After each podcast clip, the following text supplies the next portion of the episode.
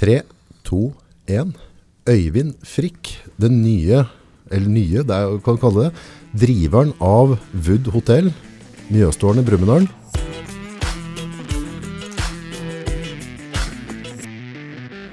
Føler deg litt stolt om dagen, eller? Veldig. Dette har vært en uh, fin reise. Ja. Uh, normalt så er det jo sånn at uh, kanskje du tar over en leiekontrakt og du får en nøkkel sånn etter at det er ferdig. ja. Jeg har vært så heldig at jeg får lov til å ha vært med ett og et halvt år hver tirsdag på Brumunddal. Og følge prosessen, se etasje for etasje. Se hundrevis av håndverkere komme og gå. ja. Det har vært en fin reise. Jeg som er fra Brumunddal, uh, har ikke vært borti det før. Så jeg er jo litt nysgjerrig i dag. Altså, vi i Brumunddal er jo litt nysgjerrig. Hvem er den, Øyvind? Hvor, hvor kommer han fra? Og, og, Oppvokst på Domås. Fikk litt utferdstrang ganske tidlig. Eh, dro hjemmefra da jeg var 16. ja. Uh, har eh, trivdes Begynte på gymnas første året, og der uh, syns jeg det var litt sånn eh, ja, Jeg måtte ha noe mer utfordring, så jeg skifta gymnas andre året. ja. Og det syns jeg måtte ha enda litt mer utfordring, så jeg tok og skifta skole en tredje gang. Så jeg har gått på tre gymnas i Gudbrandsdalen. Så bra! Er det tre gymnas i Gudbrandsdalen? Ja, det var det. Ja. Domås, Otta og Lillehammer. Da var det ikke flere. Jo, men jeg hadde ikke flere år og bød ikke bruke noen flere år. Nei. Nei. Da var du hvor gammel når du var ferdig med det tredje gymnaset? Nei, da var jeg jo som de fleste, da, sånn uh, 18-19. Mm -hmm. uh, og så hadde vi en liten familiehendelse som gjorde at det var eh, bra for meg å være hjemme et år. Ja. Eh, og det endte opp med at eh, den der trang, utførstrangen den kom jo for så vidt da tilbake. eh, og da var det Tyskland. Og så var det Sveits. Og så begynte jeg å jobbe litt i reiselivsbransjen. Jobba litt på hotell på Lillehammer. Tyskland? Hva, hva gjorde Tyskland? Jeg skulle prøve å lære tysk, da. Ja, jeg skulle også prøve å lære fransk. ok. Men, Store ambisjoner? Ja, men det, er jo sånn når du er ute, så treffer du de som også, andre som er ute som skal lære. De, da blir det liksom at engelsk blir et sånt felles eh, språk som alle forstår. Ja. Så jeg var nok ikke helt eh, For å si det at uh, mora mi var den største sponsoren. ja den var største sponsoren. Ja, så da endte det jo med etter hvert at hun eh, kom og tok meg litt i nakkeskinnet og sa at nå må du komme deg hjem igjen og begynne med en ordentlig utdannelse. Ja, hvor lenge hadde du vært utenlands da? Nei da, det har eh, vært rundt et par år. Ja. Så det var nok på tide. Hva, hva gjorde en sånn utenlandsrein med en ung mann? Altså, fikk du noen visjoner da? Eller, altså, Ja, det ene var jo uh, You can't be international at home. Uh, det var jo noe som jeg på en måte tok med meg. Og uh, senere, når jeg begynte å studere økonomi, så var også det en, del, en mulighet var å kunne komme seg utenlands uh, som en del av studiet. Mm. Uh, og da fikk jeg på en måte bekrefta, men jeg fikk det tydeliggjort, at uh, som han professoren på BI sa, karakterene dine spiller ingen rolle. Antall visittkort du kommer hjem med, det er det du kommer til å være, tjene best på i framtida. Nettverksbygging. Nettverksbygging. Ja. Der er du god. Er rimelig god. Ja, det, Du må jo ha fått til et eller annet så lenge jeg ser at du får til ting, da. Så jeg havna på Brumunddal, mener du? Nå er det mange som blir ganske krye her. Ja. Ja. ja da, nei, det, det Igjen da, så var det litt den her utferdstrangen som kom. Ja. Eh, så jeg eh, var også veldig utålmodig. Det er vel egentlig noe som har vært meg hele, eh, ja, hele livet. Må en være utålmodig for å oppnå ting, tror du? Litt? Du må være utålmodig, og så må du få deg noen stopper av og til som gjør at du møter motgang. Eh, og i motgang gjør sterk, heter det. Og det er også i motgang du blir kreativ. Det er i motgang du er nødt til å tenke annerledes, eh, og det hjelper på. Men eh, litt tilbake til studiet. Så jeg var fire år i studiet, men jeg syns dette var fryk, gikk fryktelig seint. Vi hadde så god tid. Så jeg gikk opp til rektoren på BI og sa kan jeg ikke ta det siste året parallelt med det tredje året, så ble jeg liksom ferdig litt før. Og det han at du kan ta et prøveprosjekt. Det ble forløperen til 3 pluss 2-modellen på BI, hvor du da har tre år med bachelor og to år senere med master. Da fikk vi testa ut om det faktisk var mulig å gjøre ting litt mer parallelt. Så det var ganske interessant der. Og så var det noe eh, Etterpå så var det nå å begynne å studere eh, litt av livet òg. Det var jo ikke bare det jeg hadde lært. Jeg var, skulle studere økonomi, men også logistikk. Så jeg så for meg en framtid i Bremerhaven eller Hamburg med roll-on, roll-off av containere som skulle til alle verdens hjørner med alt som da ble produsert rundt omkring i Tyskland. Da. Hva er det som er så spennende med logistikk? Nei, det er akkurat det. det. Det veldig spennende med det er at det jeg driver med i dag, det handler rett og slett om logistikk. Handler om å få folk inn på romma, ut på romma. Få dem eh, inn i spisesalen, inn i restauranten. Organisere sånn at uh, de som er der, får både hygga seg, slappa av og spist i løpet av 45 minutter. For så å få dem ut igjen for å få nye gjester inn, sånn at du har rullering på stolen. Ja. Så det jeg lærte om eh, container og containerskip, det bruker jeg faktisk i jobben min i dag. Stilig. Så det, altså, hvis jeg forstår rett, altså Logistikk er på en måte å, å, få ting til å flyte, men fortsatt så være en god bevegelse. At det på en måte, opplevelsen blir god, men samtidig så klarer folk å jobbe effektivt. på en måte da. Ja, da må det ene henge sammen med det andre. Og Sånn er det jo stort sett i livet ellers òg, at det ene henger sammen med det andre. Ja. Så det er bare en måte å tenke på som er eh, clouet her, da. Hm. Mm. Så, um, men jeg havna jo ikke i verken Hamburg eller eh, Bremerhaven. så eh, det var en litt ålreit jobb på Vestlandet. Det var en, eh, en kall det skipsreder, men det var jo stort sett ferge mellom Askøy og Bergen som hadde gjort det veldig bra i mange år.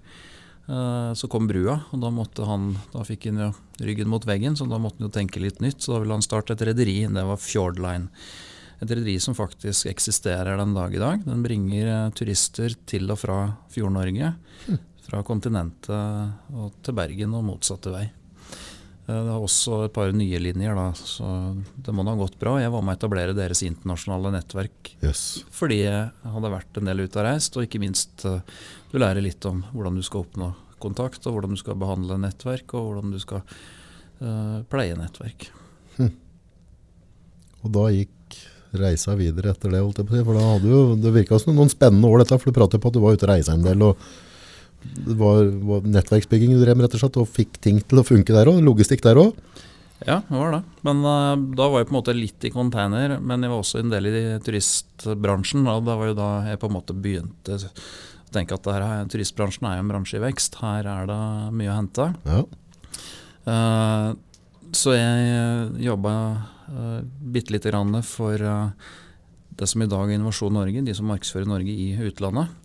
Uh, Nortra den gangen. Okay. Da fantes det også publikasjoner. Det var reisehåndbøker og det var kart og mye rart som vi var med og publiserte og distribuerte da igjen logistikk i, på alle utenlandsmarkedene til den gangen Nortra, nå Innovasjon Norge. Men så Dette her er jo noen år siden. da. Ja. Så um, fikk jeg et lite oppdrag uh, sånn før jul i 93. Ja. Og da um, begynte det å nærme seg OL på Lillehammer.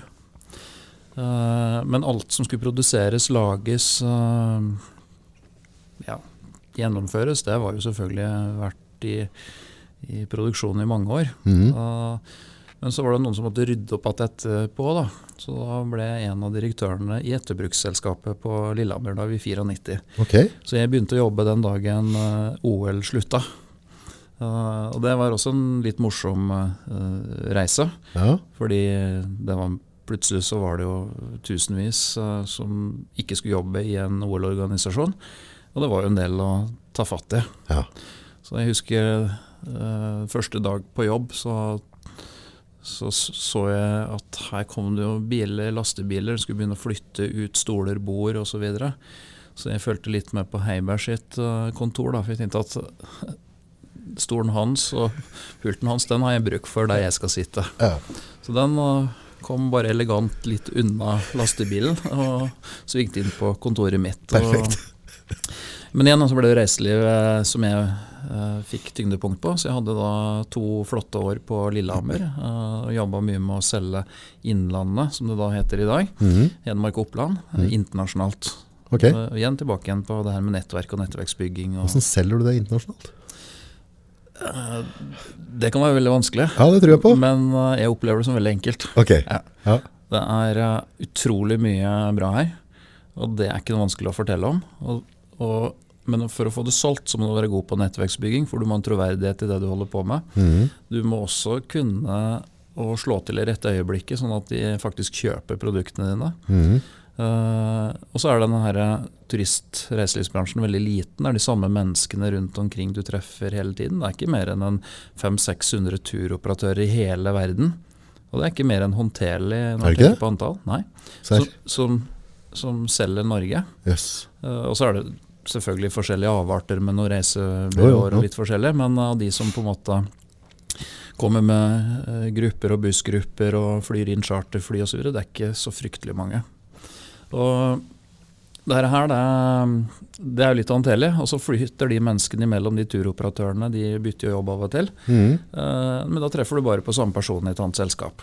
Eh, Og over tid da, så blir det gjerne at da trives med, med hverandre i hverandres selskap. Og hvis jeg leverer varen og de leverer varen, da er det rimelig eh, greit at da blir det business. Men da er det avhengig av å ha den altså, Det går ikke an å komme i rookie inn der og ikke kjenne noen og, og levere, kanskje? Nei, og det er jo nettopp det det dreier seg om. At du, du må bli litt kjent. Så må du bli litt bedre kjent, og så må du enda litt bedre kjent. Og kanskje først etter en to-tre år så har du en posisjon hvor du har jobba med samme operatøren, at du faktisk kan begynne å få inn et salg Skjønner. Ja, det, Nordmenn er jo kjent for å være utålmodige, så det kan jo være en prøvelse. Ja. Men uh, hvis du bare holder på lenge nok, så blir det suksess. Ja. Ja, sånn er det. Er ikke det nøkkelen til alt, da? Sånn er det. Ja. Ja. for noen år tilbake her, så vant jeg en liten pris blant 13 000 serveringssteder som Asko, som ligger rett uh, borti høyre her. ja. Ja. Og da da sa Arne Hjeltnes han lurte på liksom, hva solgte vi mest ut av, hvilken rett har vært med dere lengst, eh, Mm. siden eh, min bestefar begynte i 1942. og Da sa jeg at det må være rømmegrøten. Ja, bare du holder på lenge nok, så tar det seg igjen. Ikke sant? Så det gjelder nok bare, og det ser en på mange andre ting eh, i andre bransjer også, at uh, skulle de hive ut ferskvaredisken, og nå er jo liksom lokalmat og rett fra gardsbruket og inn på bordet, det er jo det som teller. Mm. Så ting går i sirkel. Mm. Ja, og litt tilbake igjen da til eh, det jeg holdt på med hele tiden, er å hele tiden holde, holde ved like og et godt forhold til alle de som er rundt meg. Mhm. Og så er det ikke alt at det er like gyldig, men uh, sånn er nå verden og livet. Men i det store og det hele når det, så er det greit å, å ikke brenne broer. Ja. da har du hatt, uh, hatt en ordentlig reise inn reiselivsnæringa, på en måte. da. Og så går du videre. Ja, så det var jo ble jo litt utålmodig etter å ha reist to år for Innlandet, eller nesten tre. Ja. Så jeg var eh, Jeg var eh, eh, Men jeg trivdes veldig godt på Lillehammer og Mhm. Innlandet. Så da var jeg jo starta et lite firma. Første gangen jeg egentlig sto på egne ben. Da. Ja. Ordentlig. Euromarketing. Uh, og tanken da var at vi skulle markedsføre Norge til Europa. Ja.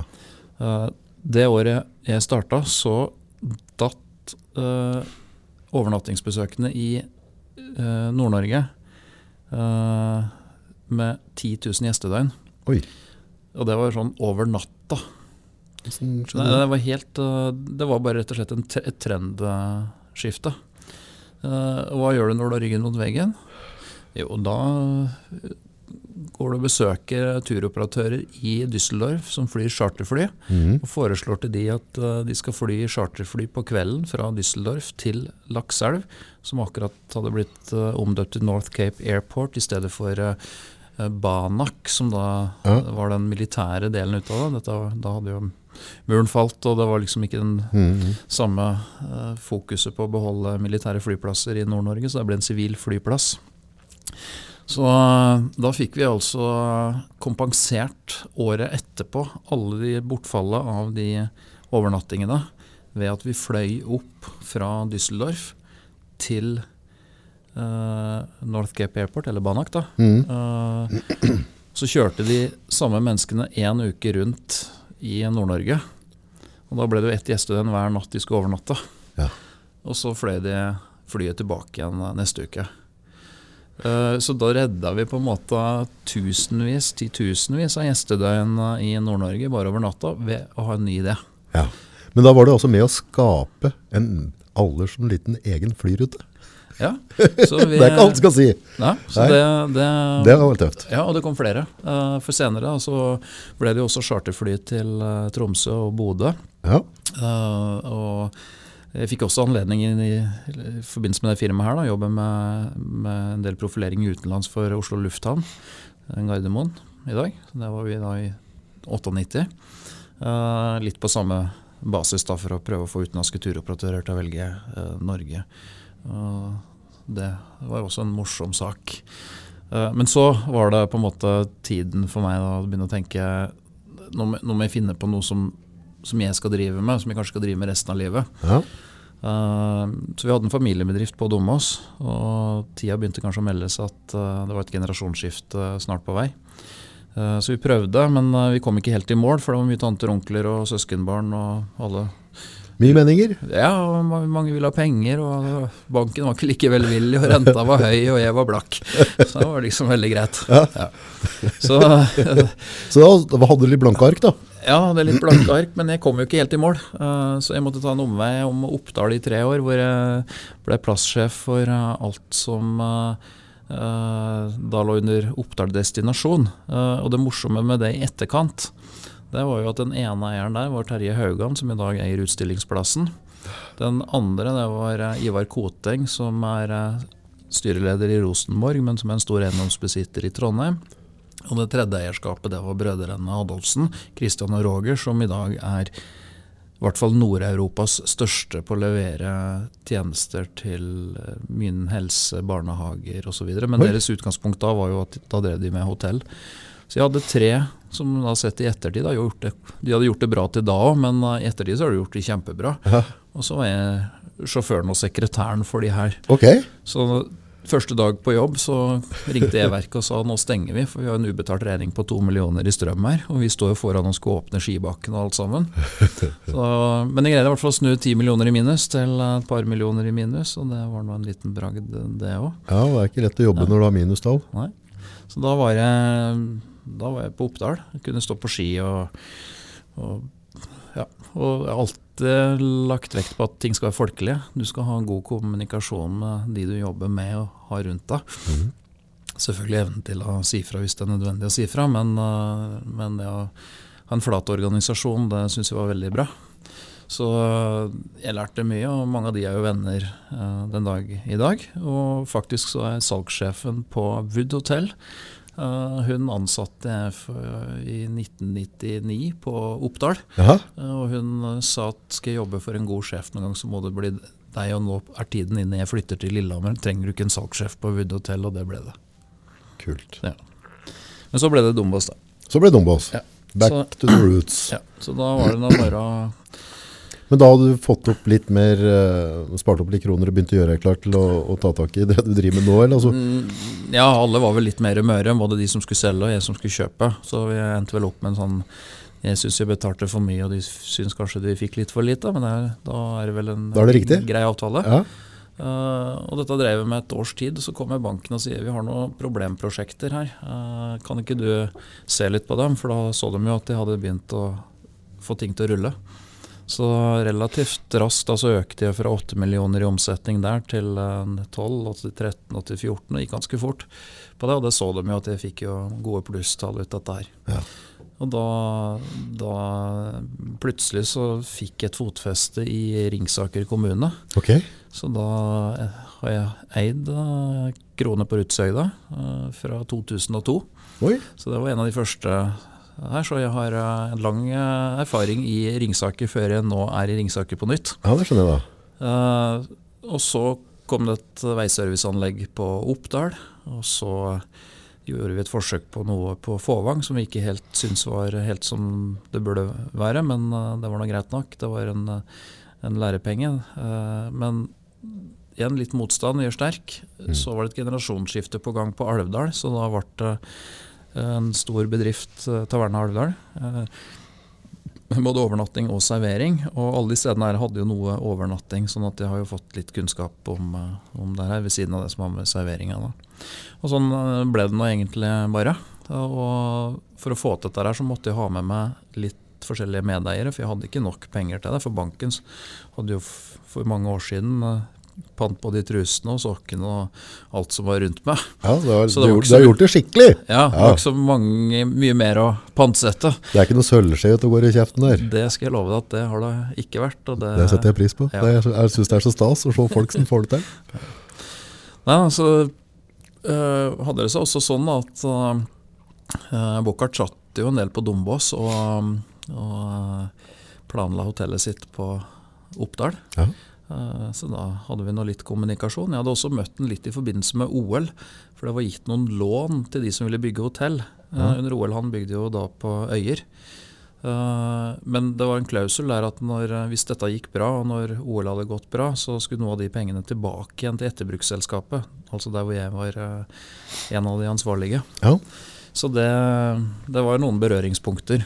Og så mm, er det sånn at du treffer jo folk hele tiden, og igjen det her med nettverk og, og, og jeg sitter på kontor og driver med papir og, og regnskap osv. Det, det er det veldig mange som kan uh, gjøre.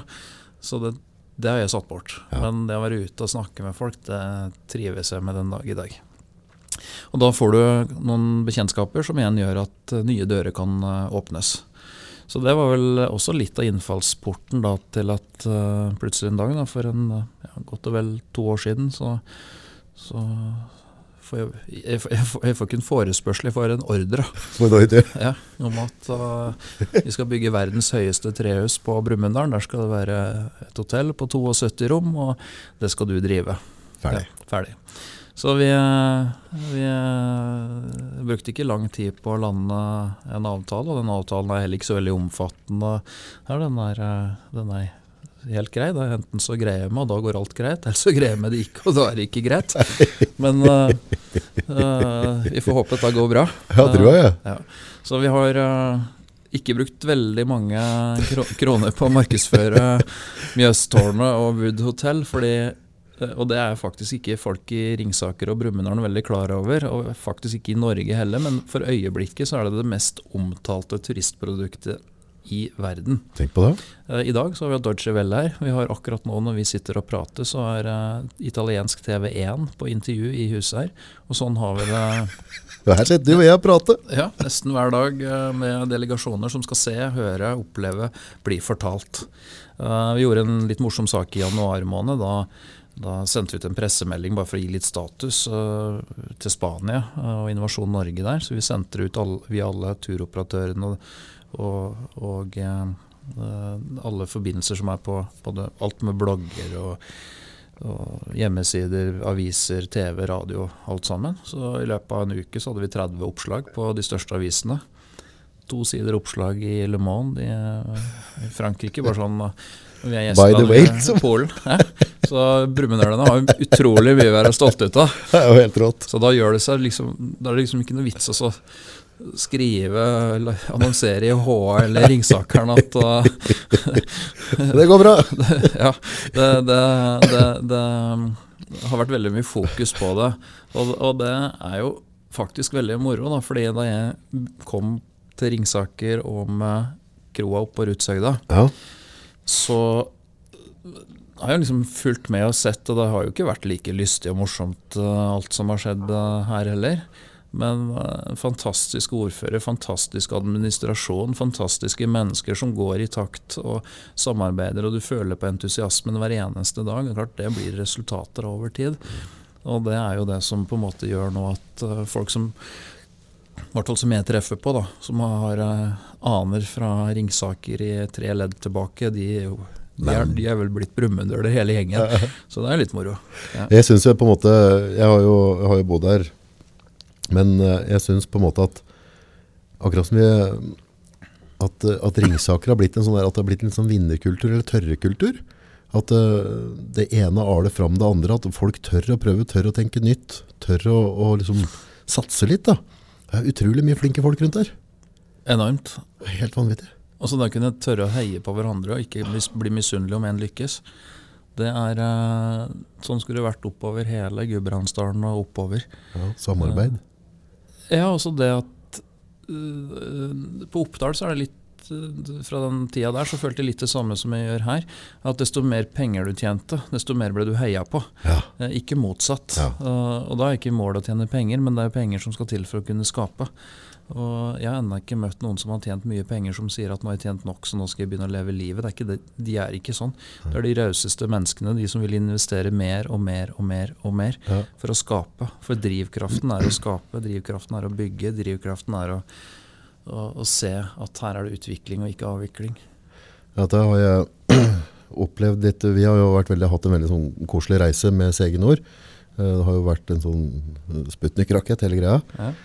Men eh, jeg hadde jo på en måte noen klare mål om at jeg ønska å tjene penger og ditt og datt. og litt på sånn og sånn. Men jeg merka veldig på kroppen de siste åtte månedene at det er det å skape noe. Det er det som får meg opp til å stå fem om morgenen. Ja. Det er liksom å, å være så heldig å få lov til å være med, og- og være med å lage arbeidsplasser. da. Å være med, være med å bi, altså, jeg vet ikke hvorfor det har blitt sånn, men det er, det er i hvert fall det som driver meg nå. Jeg er ikke så nøye med den lønna. Jeg spør kjerringa hva trenger vi for å betale barnehageregninga og strømmen den måneden der. Ja. Det får de i lønn. Utover det så lar vi det være. Ja. Det er veldig gøy. ja. Jeg har det minst oppussa huset på Dombås. Har ikke noe å si, du trenger det ikke. Si. Nei, jeg, jeg trenger det ikke. Um, det, er, uh, det er ikke det som er drivkraften. Uh, det, det her er mellommenneskelig, og tilbake til det med nettverk. Mm. Det å kunne ha gode øyeblikk uh, sammen med ålreite mennesker, det er, det er gull verdt. Eh, etter en korte stund vi har snakka nå, så får jeg en sånn altså Det virker som at du er veldig, en veldig åpen person. Altså du, du lukker ikke så mye dører. Du er veldig åpen. Altså, som du sier, nettverksbygger. Er det noe du har på en måte fokusert på hele livet? Det på en måte å se muligheter, være åpen for å møte folk og, og, og oppleve nye ting? Ja, det, det som er nysgjerrig, det er også Og da må du være åpen. Ja. Uh, og så må du også kunne telle, fortelle om de tingene som ikke er så bra. Ja. Uh, og så er det selvfølgelig noe som blir veldig privat, men uh, til og med til de rette menneskene der også må du kunne være åpen. Uh, og det er vel en uh, Det kan du faktisk få litt juling av innimellom òg, hvis du er for åpen eller mener for mye for sterkt. ja. Så det er en sånn felle du fort kan gå litt i, og det har vel jeg merka opp til flere ganger. Men jeg tenker pytt pytt. Det er bare å reise seg og peise på. Ja, det er noe med å ta de der slaga og, så, og ikke la dem synke for mye nå, vil jeg tro. Du, altså, du har jo reist litt, altså jeg merker at du, altså, du, du har litt vann under brua da.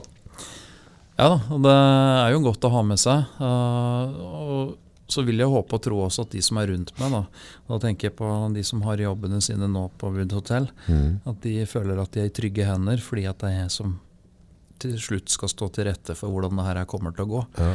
Uh, så at de også føler at dette her er, betyr noe for de, men at det er der. Uh, og når det butter litt imot, så skal jeg være der, og jeg skal også være der og heie de fram hvis det går bra. Eller når det går bra. Når det går bra.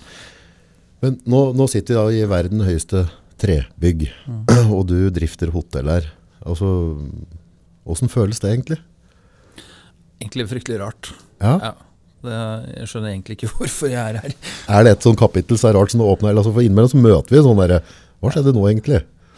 Ja, det blir jo litt sånn rart for å drikke, drikke kaffe med, med det vi kaller hestkaffen, eller skråsikkernemnda blir det med også det er sånt langbord hver morgen. Ja. Og spiser vaffel, og du møter de samme menneskene, og så driver du litt her og litt der. Og, og du har jo selvfølgelig eh, Men det, det er på en måte en annen dimensjon, da. Mm.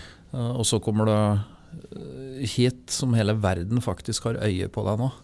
Vi er et utstillingsvindu for Norge i Altså for hele Norge, men også for nesten for hele verden. Ja, tenk på det. Eh, Så her blir vi jo målt hver dag, og det er jo en av de tingene som jeg har gjort, blitt gjort hele livet. Da. At en arkitekt han eh, blir gjerne Han kan leve godt på ett bygg som han var, var heldig med. Mm. En, eh, en maler kan kanskje ha skapt et kunstverk som på en måte blir gjenstand og kan leve i generasjoner. Eh, En ingeniør kan finne på et eller annet som eh, er revolusjonerende, og som på en måte gjør, er en game changer i, i, i bransjen. Men jeg er aldri bedre enn det siste måltidet jeg har levert. Jeg er aldri bedre enn den siste natta gjesten min eh, sov på mitt sted. Så jeg må faktisk prestere og levere hver eneste dag.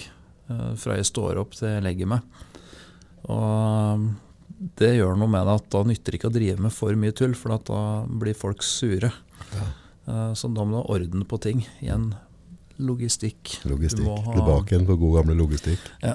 Og så må han eh, også kunne takle det. Er jo ikke alltid du får eh, gjester som er fornøyde, og hvor, hvor det faktisk er berettiget uh, eller det er berettiget at de er misfornøyde. Det, av og til så er det sånn du sier at gjesten har alltid rett, eller Mm. kunden har alltid rett.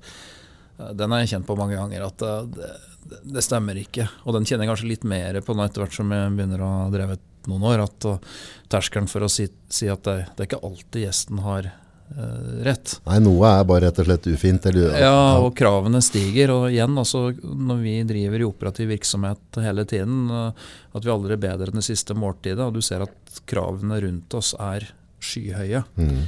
Og, så jeg har eh, Siste året så har jeg minna et par stykker på at en forrett på Theatercaféen i Oslo, den uh, koster like mye som, som uh, hele treretteren, inklusiv uh, colaen og kaffekoppen eh, koster. Mm.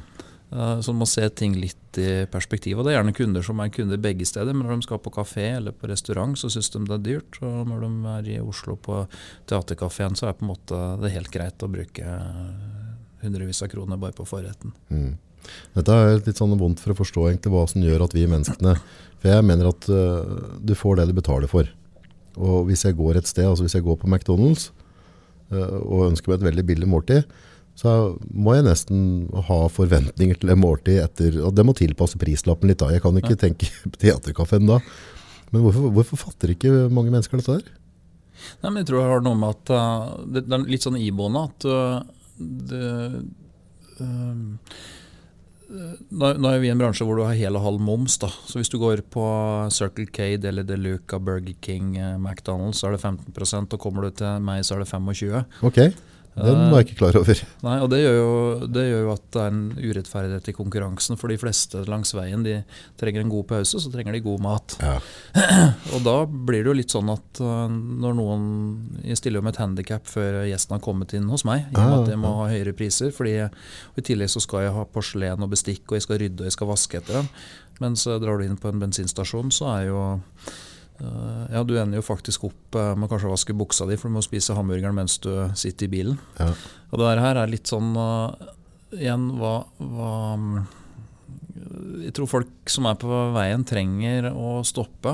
Og trenger å ha litt plass rundt seg. La både ungene og bikkja løpe litt grann, rundt. Og, og sette seg ved et, et bord og, og slappe av og hvile hodet litt grann, før du da reiser videre. Jeg tror det er sunt for uh, trafikken òg, faktisk. Ja.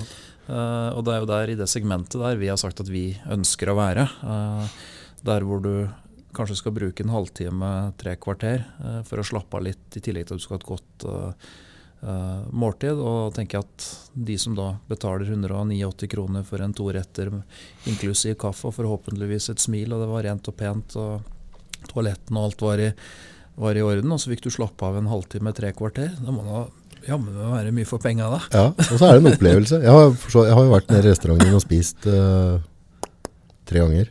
Ok. Alle tre gangene har vært uh, stjernegast, eller terningast seks. Er veldig fornøyd. Så vel, den, jeg prøvde den burgeren, jeg har aldri prøvd med sånn blå... Flamingost. Ja. Ehm, den... Jeg vet ikke hvordan jeg skal forholde meg til det, men jeg slutter ikke å spise det. Nei. Nei, det, det, var, det var et eller annet interessant med den sammensetningen på den burgeren, og det var noe elgkjøtt. Altså, det var og søtpoteta ved siden av, og så var det den der dippen. Det var, det var en sammensetning der da, som, eh, som jeg kommer til å fortsette med. Det var, et det var et interessant og godt måltid, og så var det for meg sånn her helt avgjørende at jeg ble mett. Ja. Ja, da, da kan jeg bli sur hvis jeg ikke blir mett når jeg kjøper mat. Og der har vi alle, på alle stedene våre har vi faktisk en bli mett-garanti. Kult! Så hvis du ikke blir mett etter den burgeren, Ja, så sier du fra til Mark du, jeg trenger en til, for at det blekket er mett. yes. Og den får du med på kjøpet. Det får du heller ikke Du får ikke en pølse til på Nei, nei, nei, bensinstasjonen nei. hvis ikke den eh, Nei, jeg blir så glad når jeg, når jeg får et måltid som smaker godt, og du merker at folk har gjort et arbeid bak det, at det er, liksom, det er en tanke, det er, det, er noe, det er noe rundt det, det er komponert, det er ordentlig, og så får jeg spist meg god mett. Da, da, da er jeg fornøyd, da. Men jeg skal gi deg et tips, da. Ja. Nå kan du gå ned neste gang du skal kjøpe den fjerde måltidet ditt. Ja. Så si at jeg skal ha stempel for de tre forrige, for at ender ender opp med en bonus til slutt. Aha. Og da kan du gå enda høyere på, på menyen. Du spiser da det siste måltidet på det kortet ditt. Det får du jo selvfølgelig gratis. da. Kult. Bare, bare, bare bruke. Så klart. Ja. Det må jo utnyttes. Det er jo veldig, veldig luksus for oss. Og innimellom disse, nå i dag så har vi hatt kurs her. Ja, Jeg må si at jeg var litt stolt å kunne ta med deltakerne våre ned i første. Og servere mat på dem også. Og Ja. de var veldig, veldig fornøyde alle. Fin service også. Det er bra. Og vi skal gjøre ganske mye med Meny fremover. da. Nå er det jo litt oppstart der, noen utfordringer eh, for at ting skal falle på, på plass. Vi har måttet gjøre det litt enkelt foreløpig. Men uh, dette her skal bli, bli bra etter hvert. er top notch. Håper det. Eh, og så gleder jeg meg til sommeren, da, og ikke minst eh, neste år når Skiblander kommer. eh, så vi håper mye folk i Hamar og Gjøvik eh, tar båten over. Og Kommer Skiblander og legger til der, eller? Ja, det er jo lagd brygge, Ja. så da går jeg vel ut ifra at de kan ikke unngå det. Ja, de bør prøve brygga litt. Det bør de. Men tenk da å ta båten over fra Gjøvik og over hit en fin solskinnsdag og sette seg i solveggen. og Her kan både spise og drikke og nyte og se på folk. Og, og plasseringa på Mjøstårnet er jo helt gull. Altså den utsikten vi har nedover fjorden her. Ja. Og så kan tenke deg, altså Jeg er jo sånn eh, forferdelig glad i kaffe, Mm. og veldig glad i morgenen. Mm. Å stå her Mm. klokka fem på morgenen med kaffekoppen min, og jeg bortover, kikker ut vinduet, og så ser jeg liksom at det begynner å lysne. Ja. Får du noen bedre start på dagen, eller? Nei, Og av en eller annen merkelig grunn så må det mye finere vær på Brumunddal enn det er noen andre steder i Norge. Jeg har jo Hver tirsdag jeg har vært her nå i halvannet år, har det vært sol. Knall hele tida. Ja. Så, nei, så det her, blir, eh, det blir fryktelig spennende å se når veien blir ferdig Ja. rundt her og få rydda opp litt. Og alt det Ringsaker kommune har gjort uh, rett bortafor uh, Mjøstårnet ja, også. helt her, det vil jo måtte tiltrekkes. eh, nei, så gratulerer til Ringsaker for alt som er av entusiasme og samarbeid og positivitet. Og Ja, jeg føler meg veldig som en utvida dør. da. Opp, jeg har jobba både på Oppdal og Alvdal og Gudbrandsdalen og Gudbrandsdalen, og nå blir det Du blir ganske hardhuda da. Nå har du vært i på alle disse bygdegrenene. Du skal tåle litt uh, kjeftbruk da, vil jeg tro. Ja da. Det er noe å lære seg denne rytmen og, og passe inn. da, For det, å komme inn i en bygd, det er ikke bare bare. Nei, men jeg har blitt så godt eh, mottatt. Og så er det faktisk sånn at veldig mange av de som bor i Ringsaker, har faktisk vært mine kunder i mange år Ja. på, på Domås. Og, eh, Anita, ordfører, har jo hatt uh, barn som har studert i Trondheim. Vært naturlig å stoppe på Domås. Da blir det alltid hei. og Ja. lenge før jeg var involvert i, i eh, her. Uh, og sånn har det vært ved veldig mange. At uh, du har møtt folk, og så treffer du dem igjen Uh, her. er mange av leverandørene mine, både når det er Bama, Asko og nå Grilstad. Vi har jo, vi har jo de som hovedleverandør på kjøtt. Ja. Som da, er- det er liksom morsomt å kunne se bort på fabrikken fra kjøkkenet. Det er kult. Ja, det er litt kult. Ja. Ja, ja. Kort vei til Gardermoen eh, blir det òg, så det blir vel, eh, det blir vel eh, Wood Airport Hotel. Ja, det blir det. Det er, såpass bør det være. Ja. Det er i Brumunddal, så du må ta til litt, liksom. Bitte litt. Bitte litt. Fem år fram i tid. Hvor har vi Øyvind da? Mm, Det er veldig avgjørende for uh, om det her går bra. Om jeg må, om vi må et steg tilbake og, og for å for så å komme fram igjen. Eller om uh, det her er uh, en viss mulighet for, å, for at vi kan eh, gjøre noe mer, enten her eller i Innlandet. Det er faktisk eh, Jeg begynte jo da som i etterbruksselskapet, da var det Hedmark og Oppland, og har egentlig sagt at jeg er veldig fornøyd med å drive ting i Innlandet, da, Hedmark og Oppland. Så jeg har ikke noen sånn stor ambisjon å tenke Østfold og Vestfold eller eh, eh, Oslo eller noe, men uh, det har noe med Det er en kultur her som, som jeg føler er veldig god, uh, også i forhold til ansatte, i forhold til kommuner, hvordan det, hvordan det jobbes med og i. Så derfor så tror jeg at hvis det er mulighet for å gjøre mer i Innlandet, så vil jeg heller gjøre mer i Innlandet enn å tenke eh, å gjøre noe annet. Og jeg skal definitivt ikke slutte med det jeg driver med. Nei.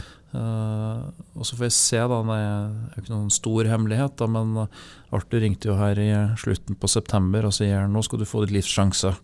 Og da tenkte jeg nå har du sikkert et problem. uh, så vi ble involvert i Gudbrandsgard, som er alpinco-eid. Og, og, det var fordi vertskapet ikke kom. Ja. Så vi har jo drevet det i vinter, og så får vi se om vi får lov til å fortsette å drive eh, det uh, videre. Ja.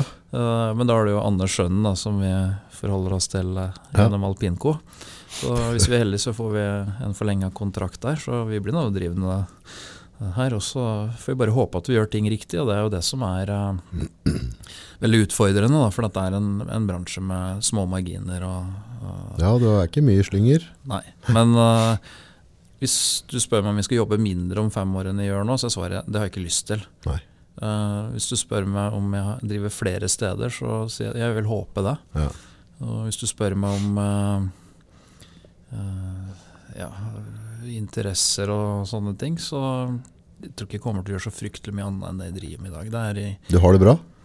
Ja, jeg har det bra fordi at jeg får reise mye i, i jobbsammenheng og må gjøre det fordi det, jeg må ha kunder. Ja, så klart. Uh, og da får jeg tilfredsstilt den uh, litt rastløsheten. Og mm. så uh, føler jeg at jeg har, har nok. Jeg kjører kassebil når det er nødvendig, for det er praktisk. Og så kjører jeg Tesla hvis jeg skal være litt fin på det. Ja, ja. Litt jålet. Så derfor så har jo jeg Tesla ladestasjon utenfor alle stedene hvor jeg driver. Si seg selv. Og den første i Europa var jeg med og starta på Dombås. Ja, så moro. Det var kjempegøy. Det var i 2013, det er ikke lenge siden. Uh, hvis du tenker på at nå er det 200 000 elbiler på veien, og i 2013 så var det så å si ingen. Det var en eller annen innovatør, men uh, det var først da det tok av. Uh, og da hadde jeg jobba med dette her veldig lenge. Og Da holdt de på og ville starte på, på Lillehammer, at de skulle kjøre fra Oslo til Trondheim. Og det, sa, det blir ikke aktuelt. Nei. Dere setter Teslaen på lastebilen og kjører den til Trondheim. Og flyr Fredrik Hauge opp, og han kjører tilbake til Dombås. Og vi åpner Europas første ladestasjon for Tesla på Dombås. Ja. Slik ble det. Lillehammer ble da nummer to. Og det var innmari moro. Uh, og utafor Mjøstårnet her så står det jo 20, og det kommer uh, sikkert 20 ladepunkter til ganske så snart. Er du god på å sette deg i sånne type målsetninger og jobbe mot dem? Er det noe som, for jeg regner med at du, du har sikkert timene dine, vil jeg tro. Ja, det er jo også de tingene som jeg tror er veldig nødvendig. Da. Du må tenke på den neste året og det, de neste seks månedene, neste sesong og neste måneden og neste uka, den neste dagen. Men aller viktigst for meg så har det jo egentlig vært at jeg hadde en målsetting om at jeg har lyst til å være nummer én langs uh, veien. Mm. Uh, og da måtte jeg finne ut hvor går veien. Ja. Uh, og da kom jeg inn i, møtte jeg en bransje som er veldig langsiktig. Så ja. jeg spurte Statens vegvesen hvor skal E6-en gå, ja. så var det et veldig trygt svar. For den var jo pekt ut for 15-20 år siden hvor den skulle gå. Og der går den jo i dag. Ja. Og Da var det liksom greit å begynne å sikte seg inn at uh, sånn med halvannen times mellomrom så bør det ligge et serviceanlegg som kan tilby god mat, god pause. Mm. Så det, Og der har jeg jo da greid det. Det er en halvannen time til Rutshøgda. Det er en, er en, eh, time godt og vel eh, halvannen opp til Vinstra. og Det er en time fra Vinstra til Dommås, og det er en time til Oppdal. Og det er en halvannen time til Trondheim fra der. Så, så og bommer de nå på på Rutsøya, så kanskje de havner på Wood Hotel. Og hvis de ikke velger noen av de to stedene, så kan jo neste være Vinstra. Det er jo halvveis mellom alle Mørebyene og Oslo, og halvveis mellom Trondheim og Oslo. Ja. Uh, så sånn har jeg tenkt hele tiden, at det er, uh, det er, viktig å være der hvor folk føler et behov for å hvile. Mm. Mm. Så hvem vet? Hvem vet? Hvem vet? Det blir spennende å følge med. Ja. Uh, for sånne som meg, som har et ønske om å skape noe lykkes, og eventuelt andre, har du noen tips råd på veien? Hva bør jeg holde fokus på? Sånn, vi er jo på en måte vært veldig heldige og er i en vekstfase. Hva, hvis du skulle delt litt av erfaringen din? Det er jo mye Det er, det er, mye, altså det, det er sammensatt, det, det, å lykkes. Men først og fremst, eh, du må ha god tid. Og så må du ha evnen til å tenke litt strategisk og langsiktig, samtidig som du tenker kortsiktig. Og så er det jo hele tiden å hige etter litt det her nye. Hva skjer, hvordan går utviklingen, hva blir Eh, jeg var veldig glad i å spille sjakk da jeg var eh, yngre. Så jeg var faktisk uh, gudbrandsdalsmester i sjakk da jeg var ganske ung, og var med faren min rundt da, på sjakkturneringer Ja i hele, hele Norge. Men det fascinerende ved det spillet er jo at du hele tiden må tenke hvis jeg gjør det trekket, og hva må jeg gjøre med påfølgende trekk? Hva tenker eh, han som sitter på andre siden? Mhm. Eh, og da har jeg tenkt litt ofte på at det er kanskje av de tingene som har eh, gjort at jeg har kunnet eh, At du hele tiden må tenke litt fremover og tenke strategisk hva skjer hvis om deretter. Og, det, og da kan du lage deg ulike scenarioer. Hvis det går bra, hvor går veien da? Hvis det går middels, hva gjør vi så? Og hvis dette her går gærent, hvordan kan vi eh, eh, redde, eller hvordan kan vi unngå? Uh, så um, å tenke som uh, Magnus Carlsen gjør, uh, det, det kan være en god vei å begynne for en gründer å lære seg å spille sjakk. Ja. Men det er en verden i enorm utvikling, og det er endringer hele tiden.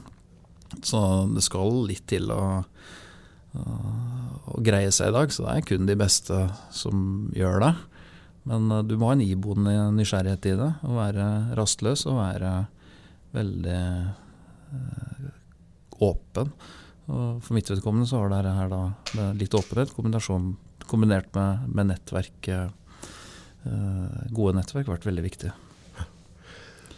Tusen, tusen takk for at du tok deg et lite prat med oss. Jeg vet du har en knakende travel dag. Det er en offisiell åpning her i dag. Ja, jeg håper det står noen hundre på utsida her, og litt musikk skal det være, og taler skal det sikkert være. Vi satser på at dette går, eh, går bra. Vi går for gull, vi.